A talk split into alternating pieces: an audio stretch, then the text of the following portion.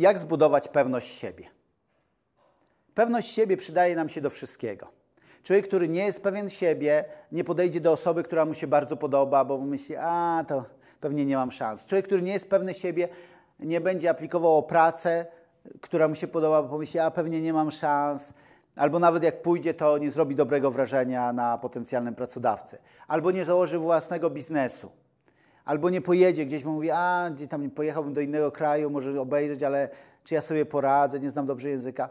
Myślę, że każdy z nas rozumie, że pewność siebie jest ważna. Pewnie, jeżeli obejrzałeś już kilka moich filmików, byłeś na szkoleniach, to wiesz, że moim odkryciem, nie, w tym znaczeniu, że ja to wymyśliłem, tylko że odkryłem to i praktycznie jest to do zastosowania w każdej umiejętności miękkiej, jest tak zwany trójkąt zmiany. Ja nazywam to trójkątem zmiany, który składa się z trzech elementów. Za absolutny fundament uważam myślenie, czyli sposób, w jaki człowiek myśli. Jak zbudować pewność siebie, myśląc o sobie w inny sposób. Oczywiście można czytać książki typu Moc pozytywnego myślenia, Pokochaj siebie i to jest w porządku. Oglądać jakieś audio, wideo, to jest w porządku. Ale jak zmienić myślenie tak o, błyskawicznie?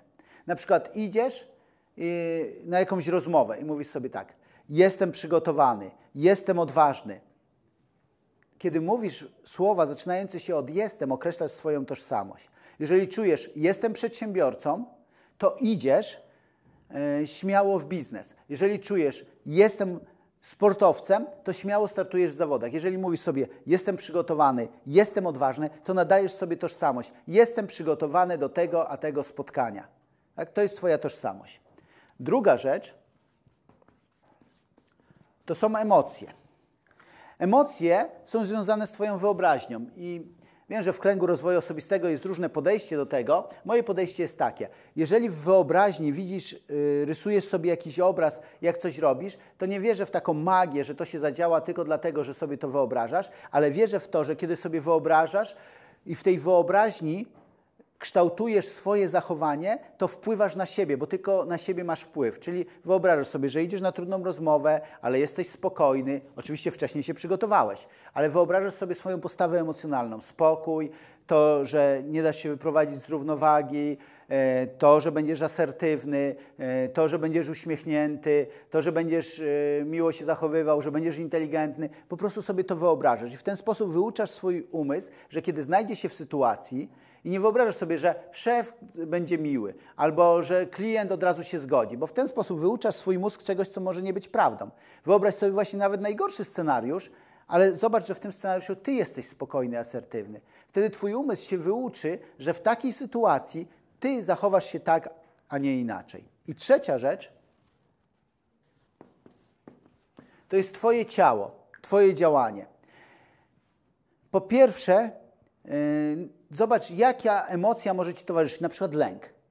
Tak? I w lęku wiesz, że robisz w ten sposób. Więc co możesz zrobić? Stań w takiej pozycji, jaka, jaka wyraża dla ciebie pewność siebie, na przykład taka. I teraz robisz coś takiego.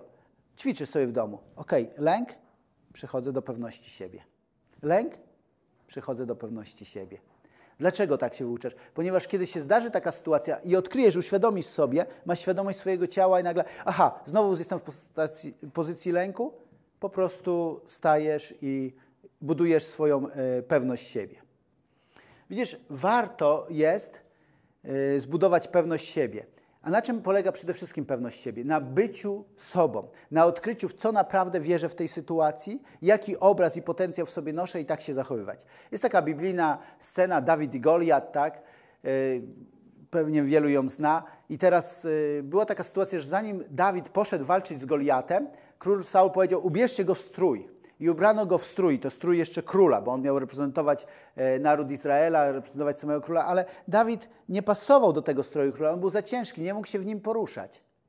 Więc on wyszedł tak, jak był, w swoim stroju pasterza i z procą, którą zabił Goliata. Ponieważ był sobą, nie próbował być królem. Za 20 lat później on był królem i prawdopodobnie nawet tą zbroję królewską ubrał i wtedy ona pasowała, ale wcześniej nie pasowała. Był zwykłym pasterzem, więc zachowywał się jak pasterz. I najkrótsze kazanie, jakie słyszałem na temat Dawida i Goliata, jest takie.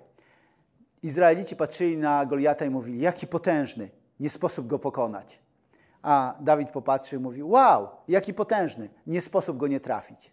Pamiętaj, że wszystkie przeciwności w Twoim życiu to są Goliaty, a Ty jesteś Dawidem i być może ten normalny sposób, jaki Ty uważałbyś za normalny, czyli posiadanie zbroi, yy, gdybym był tym albo umiałbym to, to bym pokonał ten problem. Nie, jesteś sobą i masz jakąś alternatywę, masz swoje własne sposoby, za pomocą których pokonasz Goliatów swojego życia.